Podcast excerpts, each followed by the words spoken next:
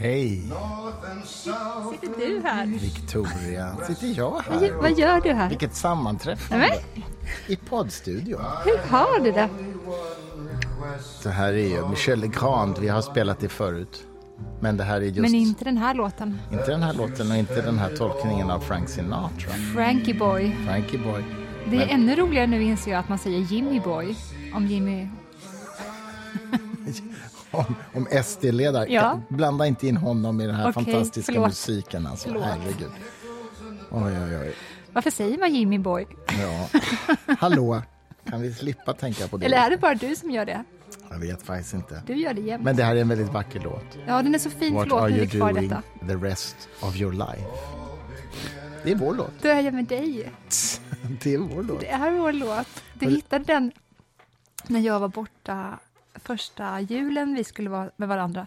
Mm. Då var jag borta i Småland lite grann och sen kom jag tillbaka. Och Mm. då spelade du den här för mig på pianot. Mm-hmm. Kommer du ihåg det? Gjorde jag? Ja, jag kommer ihåg. Och så Jag grät, som fan. så grät vi. Minns du det också? Ja.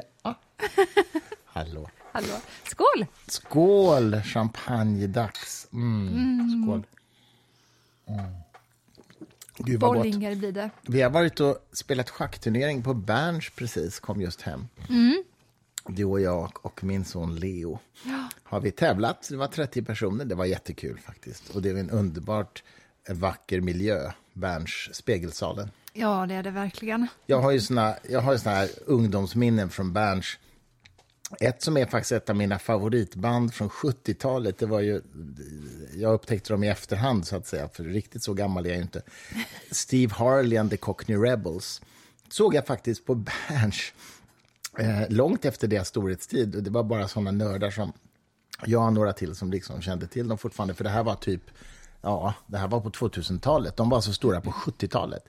Men då tog jag en öl med Steve Harley och det, det, det var stort för mig för att jag, det, var- det, jag gillar dem väldigt mycket. Hade han levt hårt? Nej, tror jag inte. Han har klumpfot eller någonting, någon slags missbildad fot. inte, jag var så oförberedd på den. Att, det syns för att jag skrattar inte åt folk med klumpfot, jag skrattar åt att det var så himla otippat att du skulle säga det. Men mitt största fanminne från Berns, det är ju ändå att det var faktiskt där som jag enda gången i mitt liv träffade och talade med David Bowie. Ah. Ja, det var stort för mig. Det var Ja. 1995. Och vi stod en stund i foajén där på Var det fler hotell. människor omkring Nej, det var bara vi två. Det, här, det har jag inte fattat och det Jo. är nog för att jag har sett något fotografi på dig och Bowie. Nej, då- det finns ingen bild på oss tillsammans. Men gud vad läskigt att jag har drömt det här Ja, det, ja, nej, det- I wish it did. Det är någon annan som du har stått och pratat med som också är jättekänd eh, säkert då. Som jag har sett i alla fall. Men det, var, det är ett sånt där minne som... Satt du där och väntade då? Ja, men jag, jag hade ambitionen att göra en intervju med honom för DN. Jag skrev ju för DN på den tiden eh, eh, som krönikör. Och, eh, eh, och visste att han var i Sverige. Så att, ja, ja, det gjorde jag. Jag väntade på honom i foajén och han kom ut.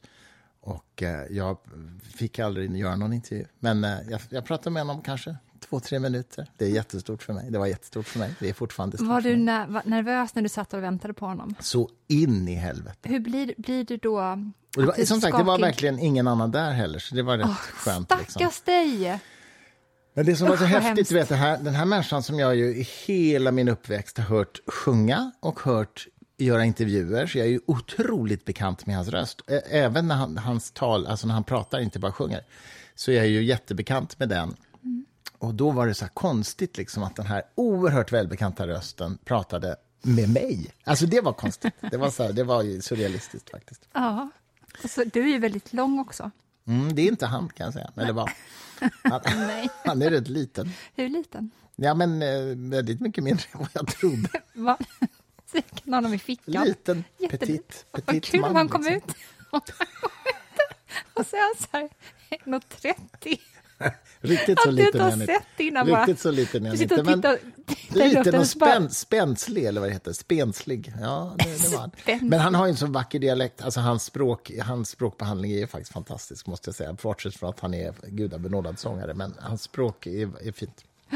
Ja, Han har väldigt fin röst när han pratar. Det Mm. låter lite som när Alan Rickman pratade. Ja, kanske. Det är någonting med att de artikulerar långt bak i halsen. Mm. Och något, Alan Rickman hade ju visserligen en defekt. Han hade ju för stram käke. Oj, Jag vet inte varför det är kul heller. Gud, jag är så... är du trött? Ja, men vi har Jag fast, så förlåt. hårdspelat schack nu en hel dag, så det är inte så konstigt. Nej, det är inte så faktiskt. konstigt. Jag tycker det var så kul. Det här låter också så fel. När Alan... Okej, vad kommer nu? Jag har inte ens alltså? druckit någonting. Jag har druckit två klunkar. Mm. Okej, Alan Rickman dog. Mm.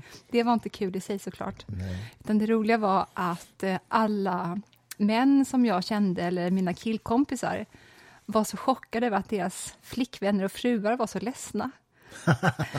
För att männen hade inte förstått, han var en sån som gick under radarn för män. De, Mm. Ni förstod aldrig hur eh, åtråvärd och attraktiv kvinnor tyckte att han var. Va? Okej, det var så. Mm. Vad vad har han spelat som jag borde veta? Love actually, kommer du ihåg? När han äh, sviker Emma Thompson. Han Ja, har en liten fling på jobbet där.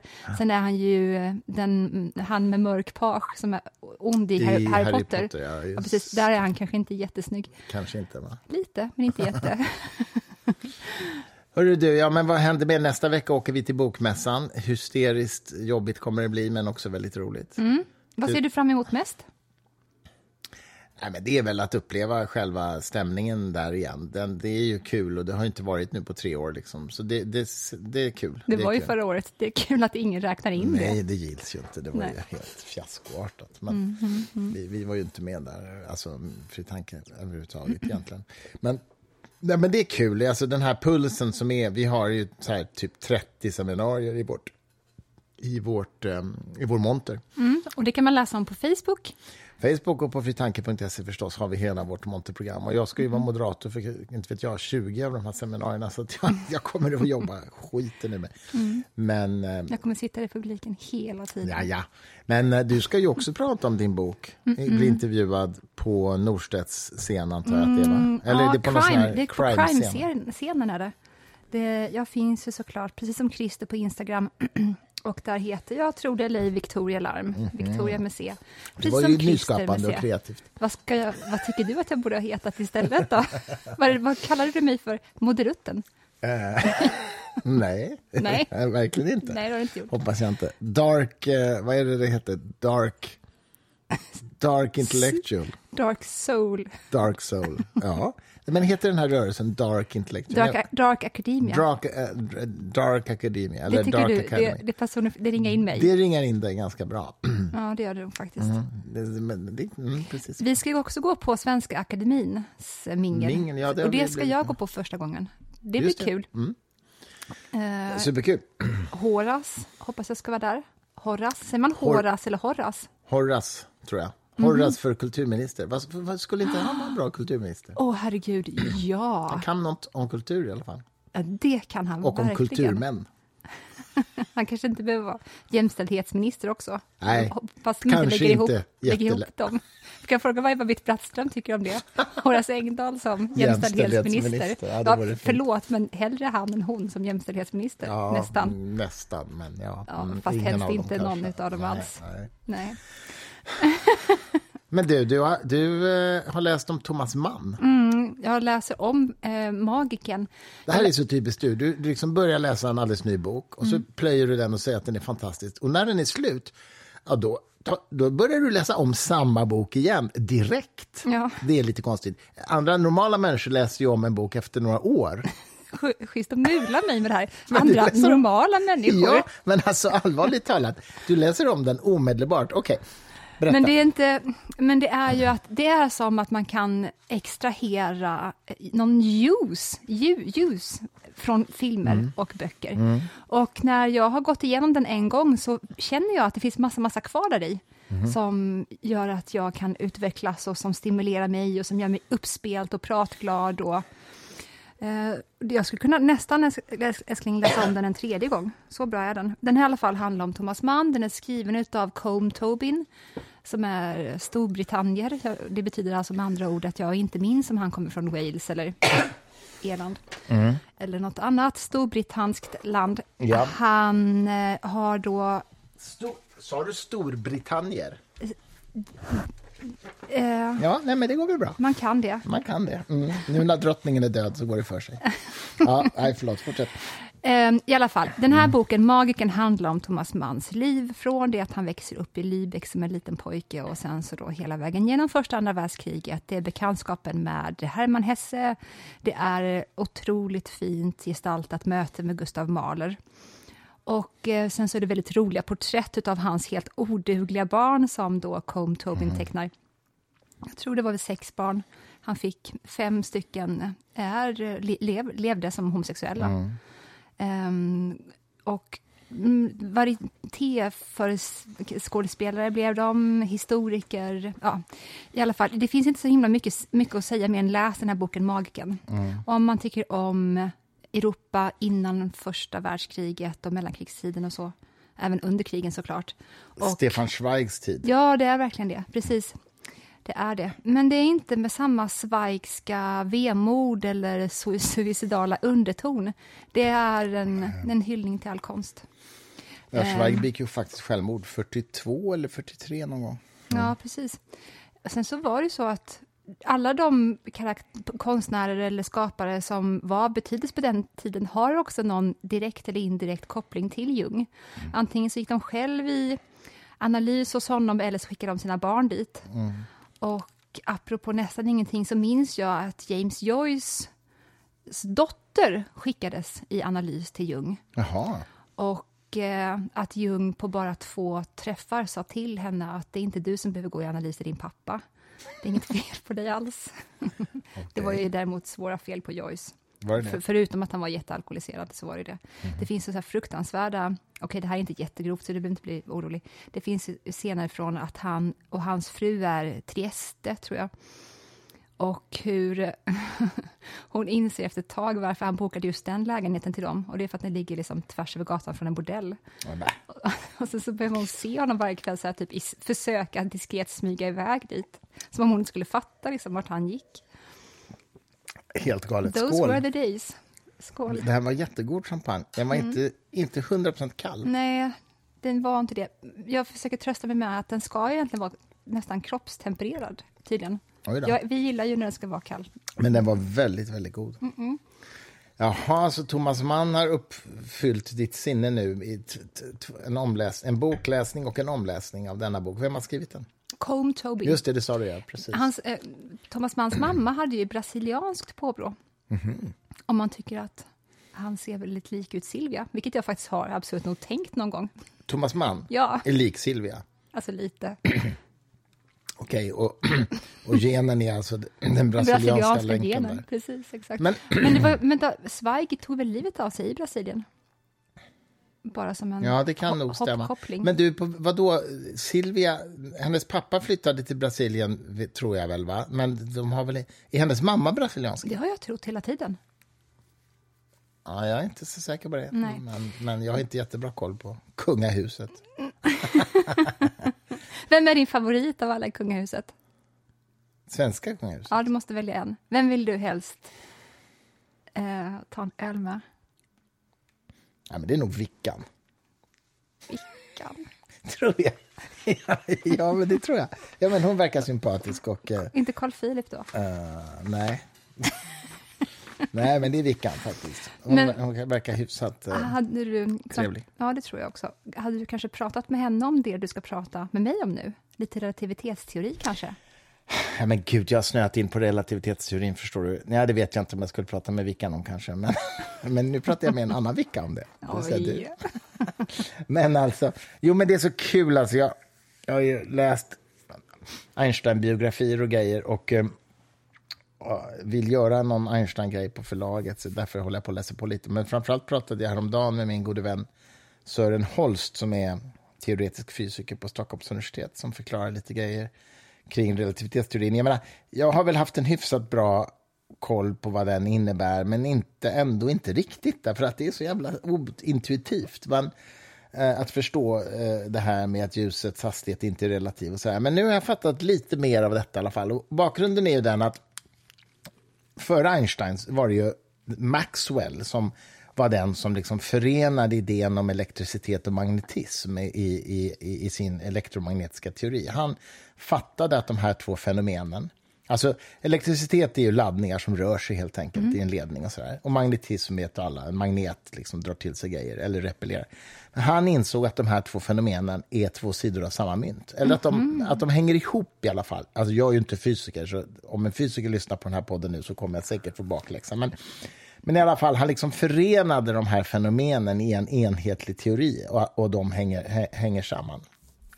Och vad han då också upptäckte det att att de hänger samman i den meningen att de är komplementära. Alltså de, ett magnetiskt fält kan upp, uppstå om ett elektriskt fält förändrar sig. Aha, okay, och ett elektriskt fält uppstår om ett magnetiskt fält förändrar sig. What? Så de orsakar varandra. Och det är det här som gör att mm.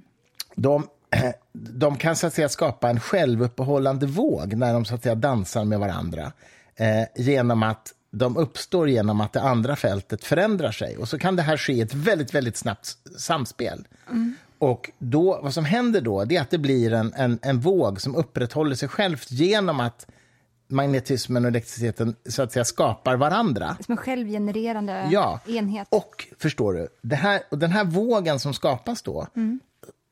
Eh, fortplantas då genom rymden som en våg. Och det är det som är ljus. Det är det som är ljus. Sen finns det ju en massa grejer, kvantfysikaliska grejer som gör att ljus både verkar bete sig som partiklar eller vågor samtidigt. Men, ja. men vi lämnar det här nu, för det här är fortfarande relativitetsteorin. Och grejen är att Maxwell inser att det här är det som är ljus. Och det han inser är att eftersom det skapas av den andra partens förändring så måste det ske i en viss hastighet. Den här vågen fortplantas genom rymden med hastigheten då 300 000 km i sekunden, som är det som man kallar ljushastigheten. Mm. Och den måste ha den hastigheten, den kan aldrig ha någon annan hastighet. Mm. För då upphör ah. liksom själva grejen att existera. Ja, jag förstår. Och, och så antingen det... så finns det och då har det den hastigheten, ja, eller så finns det inte. Exakt, exakt. Och det här är så himla coolt, va? därför att det här skapade ju en massa grubblerier till den tidens fysiker. En våg till att börja med, och det, det är viktigt att man fattar, en våg är ju egentligen inte något det är inte något objekt som rör sig framåt, utan en våg, om du tänker dig en vattenvåg till exempel, mm -mm. så är det ju, själva vattnet rör sig inte framåt. Om vi bortser nu från vågor man surfar på, så där, man tänker sig en våg på ett ganska stillastående hav, men att det bara kommer vågen en vågrörelse. finns inte egentligen. Nej, alltså vågen är ju en rörelse av vattnet bara upp och ner. Ja. Men själva vågen rör sig ju framåt. Alltså rörelsen i vattnet, det är ju det som rör sig framåt. Mm. Men själva vattenytan rör sig ju bara upp och ner. Så att alla vågor behöver ju ett medium som de fortplantar sig i. så att säga. Annars, kan, annars är det ju ingen våg. En våg är ju en rörelse i något. Mm. Ljudet till exempel, det är ju en rörelse i luften. Luften trycks ihop och dras ut på ett visst sätt. Det är det som är ljud. Det är därför ljudet inte finns i vakuum. Mm. Ljud, ljudvågen kräver luft som rör sig mm. för, att, för att kunna fortplanta sig genom luften. Och då insåg ju, när Maxwell då kommer på att det här elektromagnetiska fältet fortplantas genom någonting. Ja, det måste fortplantas genom någonting. Mm. Och då hittade man på idén om att ja, men då måste ju rymden bestå av någonting som man kallade eter. Det måste ju mm. vara liksom, det är en slags grundläggande substans som är själva rummets substans. Ja. Som man trodde verkligen var någonting. Det är bara det att vi inte fattat riktigt vad det är. Detta måste vara typ 1880 eller något sånt. Ja, någon gång där i slutet. När eten ja. var populär som ja, begrepp precis, inom... Ja, och liksom eten var ju ett teoretiskt antagande, men man sa så här, okej, okay, om Maxwell nu har rätt och att ljuset är en sån här vågrörelse, ja men då måste det ju vara en vågrörelse i någonting och det ja. kallar vi för eten. Problemet var att man inte kunde påvisa den här eh, den här eten på något sätt. Det fanns liksom inga empiriska evidens för det alls. Men då sitter liksom Einstein, han, ju är, han jobbar ju på, på såna patentverk, han är ju liksom inte på något universitet han eller forskare. Loser. ja, eller loser. Ja, men i alla fall, han är ju inte forskare med, i den meningen som vi idag menar. Han sitter ju då och funderar på så här, okej, okay, om det här nu är en våg som fortplantas genom eten, då, vad händer om jag reser bredvid den här vågen? Om jag åker bredvid den här vågen? Mm. Ja, då måste jag ju kunna titta. Om jag liksom åker med samma hastighet som vågen och tittar på den på sidan, mm. då måste ju den vågen så att säga vara stilla, för jag åker ju med den. Alltså den, förstår du? Den kan ju inte... Ja, jag ser det, jag ser det framför ja. mig. Ja. Eh, för jag åker med samma hastighet som den här vågen. Mm. Men grejen är att själva essensen i Maxwells teori är att vågen finns inte om den inte rör sig med ljusets hastighet. Så det finns ingenting då. Eh, man kan säga så här, Maxwells teori säger helt enkelt att ljuset för att överhuvudtaget finnas så måste den röra sig i den hastigheten, det kan aldrig vara något annat. Och då inser ju, och det här är ju inte bara Einstein som inser, utan samtidens eh, fysiker och tänkare grubblar ju över här. Hur sjutton kan man då förstå Maxwells teorier? Ja, men det måste ju vara, säger man då, så här att hans teorier gäller bara om vi så att säga, är i vila, stillastående i förhållande till etern eh, så att vi faktiskt kan betrakta den här ljusvågen och göra experiment på den. För att då rör den sig i, i ljusets hastighet, för att vi är stilla i förhållande till etern, tänkte an, samtidens fysiker då. Så mm. måste det ju vara. Det är därför som, som det går att ens komma på de här teorierna. Men då säger Einstein så här, ja men vad då? Jorden rör sig genom rymden hela tiden, så jorden kan ju inte vara stilla i förhållande till etern. Så, så, så om, hur, hur, kan Maxwell komma på teorier som han liksom också experimentellt verifierar med de här fälten när vi inte står stilla? Så ert grundantagande mm. måste ju vara fel. Det kan Precis, inte kräva... Vad är stilla? Ja, det. Och Finns det någonting som står stilla? Nej, och det, det, det, det, precis, det är det Einstein säger. Ingenting är ju stilla. Kan, man kan vara stilla i förhållande till någonting annat. Eller rätt sagt, man kan ha en hastighet i förhållande till någonting annat. Men allt är i relation. Men allt är i relation. Det är en relationell egenskap, så att säga. Mm. Eh, så Einstein, eh, och dessutom så säger Maxwell då att ljusets hastighet kan aldrig vara något annat. Den kan inte vara relativ, för då upphör den att existera, själva ljuset. Så, och det är då Einstein börjar tänka så här, nej, vi måste tänka om totalt om, om rummet och tiden och rumtiden som det heter. Ja.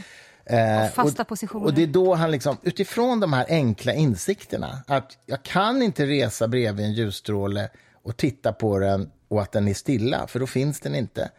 Eh, Okej, okay, och Maxwell säger att den, den måste röra sig med den hastigheten även i förhållande till mig, trots att jag åker med den. Mm. Okej, okay, alltså så måste jag tänka om helt och hållet vad tiden är, helt och hållet vad rummet är och så vidare. Fantastiskt. Visst är det fantastiskt? Det är liksom så jävla vackert. Mm. Och sen en sista sak bara. Sen, kom, sen utvecklar han ju den här så kallade speciella relativitetsteorin till det som kallas för den allmänna relativitetsteorin. Och det är då han liksom... Varför heter den den allmänna? Ja, gud, fråga mig inte. Den är mer generell, den beskriver mer generella fenomen än den speciella. Men jag kan inte svara bättre än så. Du måste fråga en fysiker. Men, det, men det, han, det han kommer på i alla fall att eh, fenomenet att, att sväva tyngdlöst, så att säga. Mm. Han inser, Newton behandlade en fallande kropp som är, så att säga, är tyngdlös. Eh, säg att du har ett, en, ett fallande hiss som faller fritt. Mm om du är inne i den hissen, då är du ju tyngdlös, så att säga. Eller du mm. upplever mm. det så. Du hänger ju i, i, mitten av den hissen, kan man säga, eftersom den faller lika fort som du. Mm. Newton behandlade det som ett fysiskt fenomen. Och om du skulle vara ute i rymden, långt borta från all gravitation, då skulle du också sväva runt mm. i din hiss, säger vi. Det behandlar han som ett annat fysiskt fenomen. Mm. Men Einstein inser då att om vi har de här två olika fenomenen som empiriskt är helt ekvivalenta, det vill säga du kan inte i alla experiment som jag gör i de här två situationerna, ett ute i rymden i en hiss långt borta från all materia och ett i en fallande hiss på jorden, säger vi. Mm. Alla experiment vi gör kommer bete sig likadant, alla tyngdlöshetsexperiment. Mm. Alltså så är, måste det vara samma sak. Mm. Det är ingen skillnad på att falla fritt och att vara tyngdlös. Så att han insåg att det här är två, att det här är ekvivalent och då sydde han liksom ihop gravitation, och acceleration och tyngdlöshet till en, ett enda begrepp i rumstiden. Ja, jag kan inte förklara bättre än så. Men det är, Mycket bra förklarat. Det, det är häftigt. Ja. Jag tycker det är så vacker metafor det här med elektromagnetiskt fält och elektriskt fält som dansar med varandra och skapar varandra så att säga hela tiden. Och det är ljuset. Är inte det vackert? Det är jätte, jättevackert. Men ja, det här är ju uppenbarligen såklart ett av de stora paradigmskiftena. Kanske det, det största som vi har stått inför någonsin vad det gäller vårt förhållningssätt till verkligheten?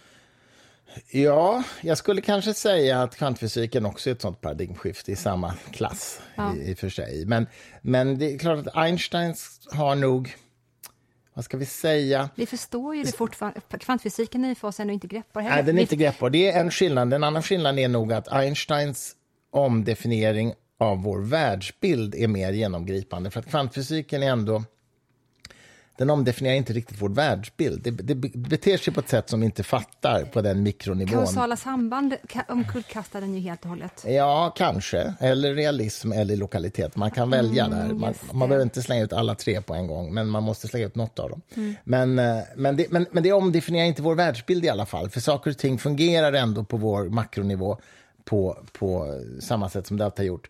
Men Einsteins relativitetsteori faktiskt förändrar vår världsbild. Ja, men det, allt fungerar ju likadant innan som efter Einstein ja, också. Men jag, ja, jo. Men vi hade inte kunnat göra GPS-system till exempel om vi inte tog hänsyn till relativitetsteorin.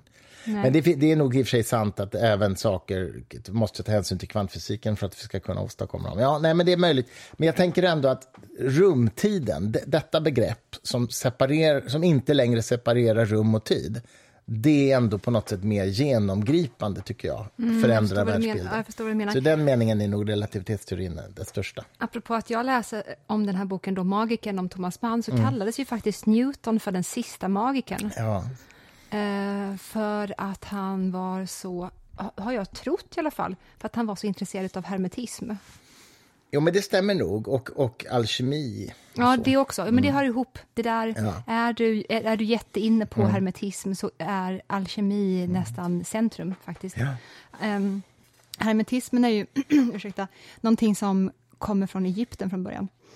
Och ja. mig veterligen så är det flera hundra år innan Kristus som då de här traditionerna eh, kommer och bubblar upp och sen sprids över eh, såväl Mellanöstern som Europa. Mm. Hermes Trismegistos hette den här uh, mystiken som skrev en bok. Eller så var det så att boken hette Hermes Trismegistos, jag minns inte. Men eh, i alla fall de som var eh, judar på hellenistisk tid var väldigt, väldigt influerade av hermetism. Mm. Och de som eh, tog fram kabbalan och eh, konkretiserade den var också väldigt influerad av hermetism. Och hermetismen överlever alltså, förändras dock, vet jag, under eh, renässansen. Mm. Blir någon form av eh, ja, man kan väl kalla det för någon, någon, någon kopia av ursprunget i alla fall. Och det är den då som Newton blir väldigt inspirerad mm. och influerad av mm. när han då undersöker naturen. Ja, men det kan, ja, visst, det kan jag tänka mig. Och alkemi var ju bara ett förstadium till kemin egentligen, så det är ju inte så konstigt. Ja, nej. Och, jag, och, jag och drömmen tror... att skapa guld. Alltså, när man inte förstod vad grundämnen var så är det inte så konstigt att man tänker sig att man kanske kan skapa guld. Ja, precis. Och eh, det är, jag skulle vilja säga att all alkemi handlar inte bara om att utvinna den dyrbaraste metallen, guld. Utan nej, det nej, är också en symbolisk process som har med mm. inre förädling att göra, mm. vilket syns då i hermetismen mm. och som syns i kabbalan. Och, um, där kallas det för det gröna guldet faktiskt, när man mm. pratar med alkemi. Mm. Och de som utvinner alkemin är gröna varelser. Hoppsan. ja. Från Mars? Ja, jag vet inte. Nej, men de är inte ens människor, de är bara någon form av psykologiska sinnebilder mm. som gestaltar då den här förädlingsprocessen. Mm. Och eh, Jung var såklart jätteintresserad av alkemi också, men mm. den inre alkemin. Att man, och det är ju det som i princip är individuationsprocessen, att man under sitt livs gång ska förädla sig själv till den man egentligen är. Mm. Men det är, ju, det är ju en väldigt fin liksom, metaforisk beskrivning av en, en inre förädlingsprocess. Att man, att man kan se det som en kemisk förädlingsprocess. Ja. Som, som metafor. Ja, precis. Och jag skulle nästan vilja sticka ut hakan och säga att allting som vi människor intuitivt har sysslat med mm. och som vi har sökt efter och eftersträvat att uppnå, om det så har att göra med den yttre världen eller den inre världen, så finns det alltid en spegling. Eh, när vi håller på att försöka utvinna guld i den yttre världen, mm med experiment, då är det också, tror jag, en form av yttre manifestering utav någonting som också gestaltar det inre som vi håller på med. Mm. Men jag tänker att det fanns också, tror jag, väldigt pragmatiska monetära intressen i att skapa guld. Alltså ja, det tror jag. Ja, ja, men, men såklart också. Mm. Ja, men jag tror att man kommer på de här idéerna för mm. att, och kan börja utföra dem för att de också kanske påminner om vad vi håller på med inuti oss mm. själva. Och om man ska vara egentligen så pass eh, konkret, vad är det vi egentligen gör när vi vill bli rika? Vad tror vi att vi ska uppnå med rikedom i den yttre världen? Mm. Om vi skaffar alla de här pengarna, då tror vi ju att det ska förändra oss Ja, ja, inuti. ja, ja, just det. Och i den meningen. Jo, Vi tror att vi ska nå en upplysning, det är det vi nästan hoppas på i alla fall, att allting lycka ska bli lycka. precis. Och det är ju någonting som verkligen man kan se, det går inte, jag menar, hur många rika människor knackar inte ihjäl sig dagligen? Det går ju inte. Mm. Nej. Men vi hoppas att det inre tillståndet ska uppnås genom yttre aktiviteter. Ja, just det. Mm. Ja, ja, jag förstår precis vad du menar. Mm. Nej, men det är ju, det är ju superintressant. Eh, Newton var ju också mystiker i den meningen att han beskrev gravitationen som en eh, mystisk kraft som var, verkade på håll. Det var ju otroligt mystiskt, så att säga, för alla egentligen. Att tänka sig att det fanns någon verkan här som inte, som inte var direkt. Vid den månen så var ju alla mystiker eftersom ingen fattade någonting om hur någonting verkade i yttervärlden. Ja, ja, okej. Och vilken kan- mystiker, den fattade ingenting. Ja, men jag kan tänka mig att han ändå, utifrån att han hade de här alkemiintressena, eller hermet, hermetis, vad heter det, Herme, Hermetism. Hermetismintressena, att han kanske gjorde den typen av tolkningar även om gravitationen. Jag vet inte. Kanske började han söka på platser som inte var de gängse, Ja. tack vare att hermetismen påverkade hans observationsförmåga och perception dessutom också, hur Och han idag- sorterade. Ja, men precis. Och idag vet vi ju, tack vare Einstein, att gravitationen inte ens är en kraft. Nej, det men en, det tror ju nio av tio. Ja, jag vet, och det står fortfarande i min sons skolbok, eller skolböckerna. Blir du inte vansinnig på det? Eller väljer Ah, du, väljer, väljer du vad du skulle bli Nej, men så, så här, det är ju inte en kraft, utan det är en krökning av rumstiden. Men jag inser ju att det är ingen bra metafor när man ska lära ut det här, lära ut fysik i skolan. Jag, jag, kan, jag kan någonstans acceptera att gravitationen som en kraft faktiskt är en ganska bra metafor, för att ingen kan begripa att det är en krökning av rumstiden. Vad fan betyder det? Liksom? du måste vara på mycket högre nivå eh, i fysikkompetens för att förstå det, tror jag. Men man behöver inte ljuga och kalla det för kraft för det. Det, det är väl bara att ta in någon skönlitterär människa som kan skapa en bättre metafor i så fall än, den, än kraftmetaforen. Ja, fast... Fast som, jag menar, det beror på vad man menar, Anlita jag. en PR-byrå. Ja, men alltså, Ta ja, fram men, ett ja, men du, ja, men du, koncept. vänta, stopp och belägg här nu. Alltså, det, man kan ju säga att det är en kraft i den med, metaforiska meningen att det är någonting som påverkar någonting annat. Men, men det är inte en kraft i den strikta fysikaliska meningen av en kraft, så är det inte en kraft. Den På samma sätt som, som exempel stark och svag växelverkan i atomen och sådär. Så det, det, det är inte en sån kraft. Den i sig själv besitter inga mm, Nej. förutsättningar. Nej, just det. Nej, precis. Så, så, så det är verkligen en kraft, kraft som metafor, är det ju. Men, men det är inte... Ja, nej, jag, vet. Men alltså, jag, jag vet inte. Jag, jag, jag har inget bättre förslag i alla fall. Så tills jag har det så ska jag spara striden med Skolverket. Om just den grejen. om just den grejen. De bara, nej, inte han igen. Vad tror du? vet att de har så på sina personalfester så har de en darttavla med ditt huvud på typ. Jag lyckades i alla fall få in sekulär humanism i religionskunskapskursplanen 2011. Jävlar vad jag bråkade med Skolverkets eh, kommitté för att ta fram en ny kursplan. Oj, oj, Men oj. det, men det lyckades till slut. Mm. Det ska till du, bara för att orka med det där. Inte bara Så jag, det bra. var ju humanisterna på. Men, men vi, vi, ja, vi satt med i den här kommittén och härjade rätt hårt i alla fall. Det var roligt. Ja, det var roligt. Skål. Skål igen. Jag ville säga någonting mer om Einstein, men min hjärna halkade in på Frank Sinatra igen. Mm. Frankie Boy. Men du, Ja, faktum är att vi ska snart avrunda, ja vi ska jag. faktiskt göra det. Det får bli en Vi- annan gång. Jag ville vi- förmodligen bara orera om att han var ett as eller något sånt där. Och att han, Nej, men det tror jag inte att han var. eh, ursäkta? Vad gjorde han? Jag tror att han låg med prostituerade och knarkade och slog kvinnor. Einstein? Nej, Frank. Sinatra! Ja, vilken tack och lov. Jag trodde du talade om Einstein. Nu, nu höll du på att skära sig rejält här i podden. Ah, vad skönt Gud, att vi vad- redde ut det här. Det kunde blivit en äktenskaplig Einstein kris annars. knarkade, låg med prostituerade. Ja. Han, fast, okej, jag Alltså, tror min att fru Einstein... har spårat ur och man klarar Och sen så bara- Einstein. Sen bara klipper du bort allt. Men vad heter det? Jag tror visserligen att Einst- Einstein var lite as också. Han hade ju en handikappad son som han bara övergav, det vet du.